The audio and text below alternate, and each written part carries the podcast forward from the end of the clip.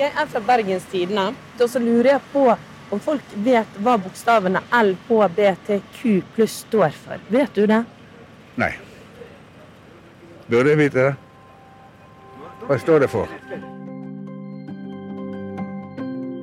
I disse dager feires skeiv kjærlighet over hele landet.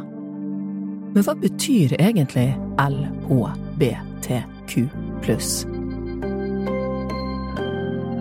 Snart skal du få lære alt sammen. Så lurer jeg på om folk vet hva LHBTQ pluss står for. Vet du det? Jeg er litt usikker, men jeg vet at det er sånn pride-greie. ja. lesbisk, gay eller homo eller noe sånt. Um, det er på engelsk, da. Jeg tror kanskje sånn queer. Og så bisexual. Ikke, ikke eh, akkurat hva det står for, men jeg vet jo hva det er. Ja da. Hvem kan hjelpe oss til å forstå LHBTQ Jeg er da professor i kulturvitenskap, men for tiden så jobber jeg aller mest med skeiv historie. Forskning på skeive er det gjort lite av, men Tone Hellesund jobber med å grave i fortiden vår. Hvordan har folk levd skeive liv rundt omkring i Norge i ulike historiske perioder? Så det er noe av det vi prøver å grave fram nå, da. Ja. Tidligere så var homoseksualitet så skambelagt og tabubelagt at det var jo ingen som tenkte på at dette var noe, en verdifull historie å ta vare på, og ingen som tenkte at det liksom kunne være respektabelt å forske på dette. Men nå eh, så liksom ligger, eh, ligger det nesten helt hvite, uutforskede kartet åpent, så nå begynner vi å ta tak i det. Men nå skal Hellesund fortelle oss opprinnelsen til de ulike bokstavene, og hva de står for. Vi begynner med første bokstav, L. L-en eh, lesbisk. Og den kategorien, den begynte på en måte å dukke fram samtidig som denne homoseksualitetskategorien ble oppfunnet på slutten av 1800-tallet. Men jeg vil nok si at i den norske, i den norske kulturen så var det nok først og fremst på 1970- og 1980-tallet at dette ordet lesbisk ble begynt å tatt mer og mer i bruk. Da hadde du en gruppe med veldig sterke lesbiske feminister, for eksempel, som var provosert over at kvinner forsvant i denne felles homofilikategorien, og ville løfte fram at ja, homofile er ikke bare menn, eh, homofile er også kvinner, og lesbiske er på en måte den beste identitetskategorien, syns de. Mm. Så særlig liksom fra 1970- og 1980-tallet og framover, så er det mange som har begynt å kalle seg for lesbiske. Og etter L så har vi Da har vi H. og det står for homofil. Og Norge er faktisk det eneste landet i verden som fremdeles bruker den termen homofil, eller homofile, som det heter på engelsk. For på engelsk har man da gått over til gay og andre sånne kategorier. I Norge bruker vi fremdeles kategorien homofil, og den har i lange perioder blitt eh, inkludert både menn og kvinner.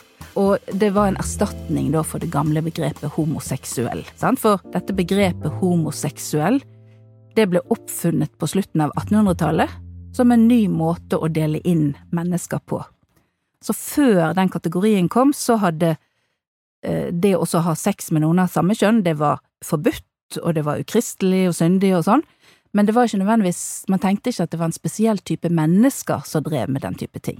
Var, alle kan falle i synden, alle kan gjøre gale ting, men på slutten av 1800-tallet så begynte psykiatrien liksom å være opptatt av såkalte perversjoner, og dele inn menneskeheten i de normale og de unormale, de homoseksuelle og de heteroseksuelle. Så det at man begynner å tenke på en måte på homo og hetero som to helt ulike typer mennesker, eh, det er noe som oppstår på slutten av 1800-tallet, og denne kategorien homoseksuell oppstår da.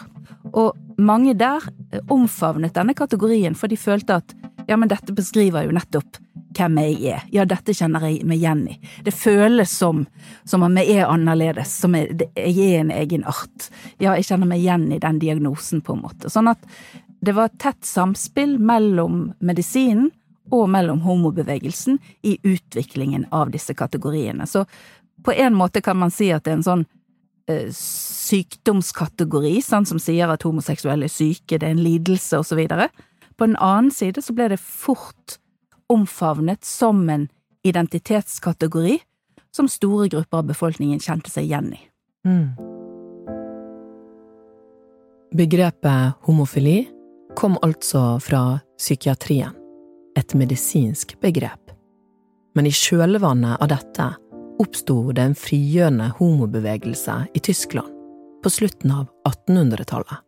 LH B, B-en, eh, den handler altså om biseksualitet, eh, bifili, og dette var også noe som de var opptatt av på slutten av 1800-tallet, når man jobbet med disse kategoriene.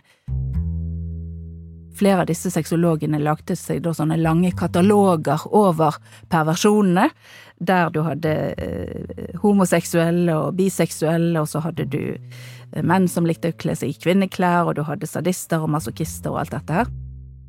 Så biseksualiteten den har vært med fra begynnelsen av, og er fremdeles en kategori. Eh, som mange identifiserer seg med, og som betyr altså at man tiltrekkes både av kvinner og menn, og kan ha kjærlighetsforhold til både kvinner og menn.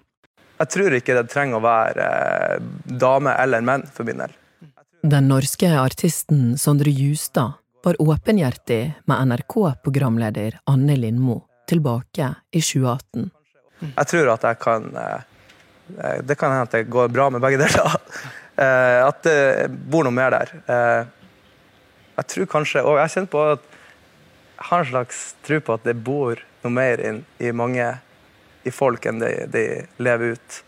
Eh, enten det er kjærlighet eller det er lidenskap. Så kommer vi til T-en, Ja. og det eh, står for transpersoner. Så det er på en måte hele transfeltet som eh, puttes inn i den T-en. Og transperson, det er en person som ikke identifiserer seg med det kjønnet som vedkommende ble utdelt ved fødselen, men har da enten tenker på seg sjøl som det motsatte kjønnet, det de ble utdelt ved fødselen, eller man tenker at man ikke passer inn i noen av kjønnskategoriene.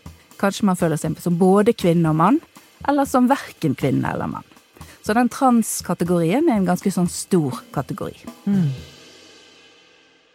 L, H, B, P, T. T. Og nå er vi på Plussen, plussen den er jo interessant, og der er det eh, Og dette sier jo noe mye om vår tid, tenker jeg. Sant? At folk er veldig opptatt av dette her å eh, finne sin identitet, være sitt mest autentiske jeg. Ikke liksom bare passe inn i fortidens kategorier, men tenke etter. Ja, hva føler jeg, hva kjenner jeg, passer dette inn i disse kategoriene? Og så er det mange, eh, kanskje aller mest unge, men også eldre, eh, som tenker at eh, nei, LHBT, passer jeg egentlig inn der? Eller er det andre kategorier som sier mer om hvem jeg er?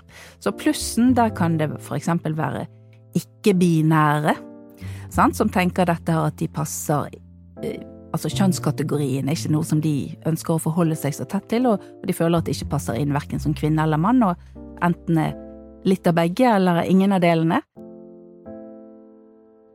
Så hva kaller vi det? Begrepet L, H, B, T pluss? Er det en Q der da? Ja, eh, det er det, det, er det også. Kuen. Q-en. Q-en den står jo da for det engelske begrepet queer, som eh, mange på norsk oversetter til skeiv. Og den queeren, eller den skeiven, eh, den tenker mange som en sånn samlebetegnelse, sant? der alle LHBT pluss, eh, hele LHBT pluss-gjengen kan samles i denne queer-kategorien, eller i skeiv, begrepet skeiv. Så det er kanskje den vanligste forståelsen nå. Og så er det også noen som tenker på queer eller skeiv som en kanskje mer opprørsk kategori enn for eksempel LHB-kategorien. At skeiv, da er det på en måte noen som bevisst ønsker å utfordre kjønnsnormer og seksualitetsnormer, og som på en måte ikke vil underlegge seg den her heteroseksuelle eh, strukturen som hele samfunnet er bygget på, men som tvert imot ønsker å gjøre opprør mot den strukturen. Så det tenker jeg skeiv-kategorien handler om. Hva tenker du om disse bokstavene i dag? Fra et historisk perspektiv. Da tenker jeg at jeg personlig liker veldig godt den samlebetegnelsen skeiv, som på en måte kan omhandle veldig mye. Og så tenker jeg at vi må huske at dette her helt sikkert vil forandre seg framover i historien. Eh, folk vil nesten helt sikkert tenke annerledes om dette om 20 år, om 50 år, om 200 år. Og så vil de se tilbake igjen på 2022 og så tenke Hæ? Var det sånn de tenkte om det den gangen? Så rart. Eh, sånn at eh, vi må liksom ikke bli altfor sånn selvsikre og skråsikre på at vi nå sitter med sannheten. Dette her er ting som hele tiden kulturen forhandler om og reforhandler og tenker nye ting om. Og folk tenker nye ting om seg sjøl også. Du har hørt en podkast fra Bergens Tidende. Denne episoden er laget av Henrik Svanevik og meg, Anna Magnus. Og så har du hørt klipp fra NRK.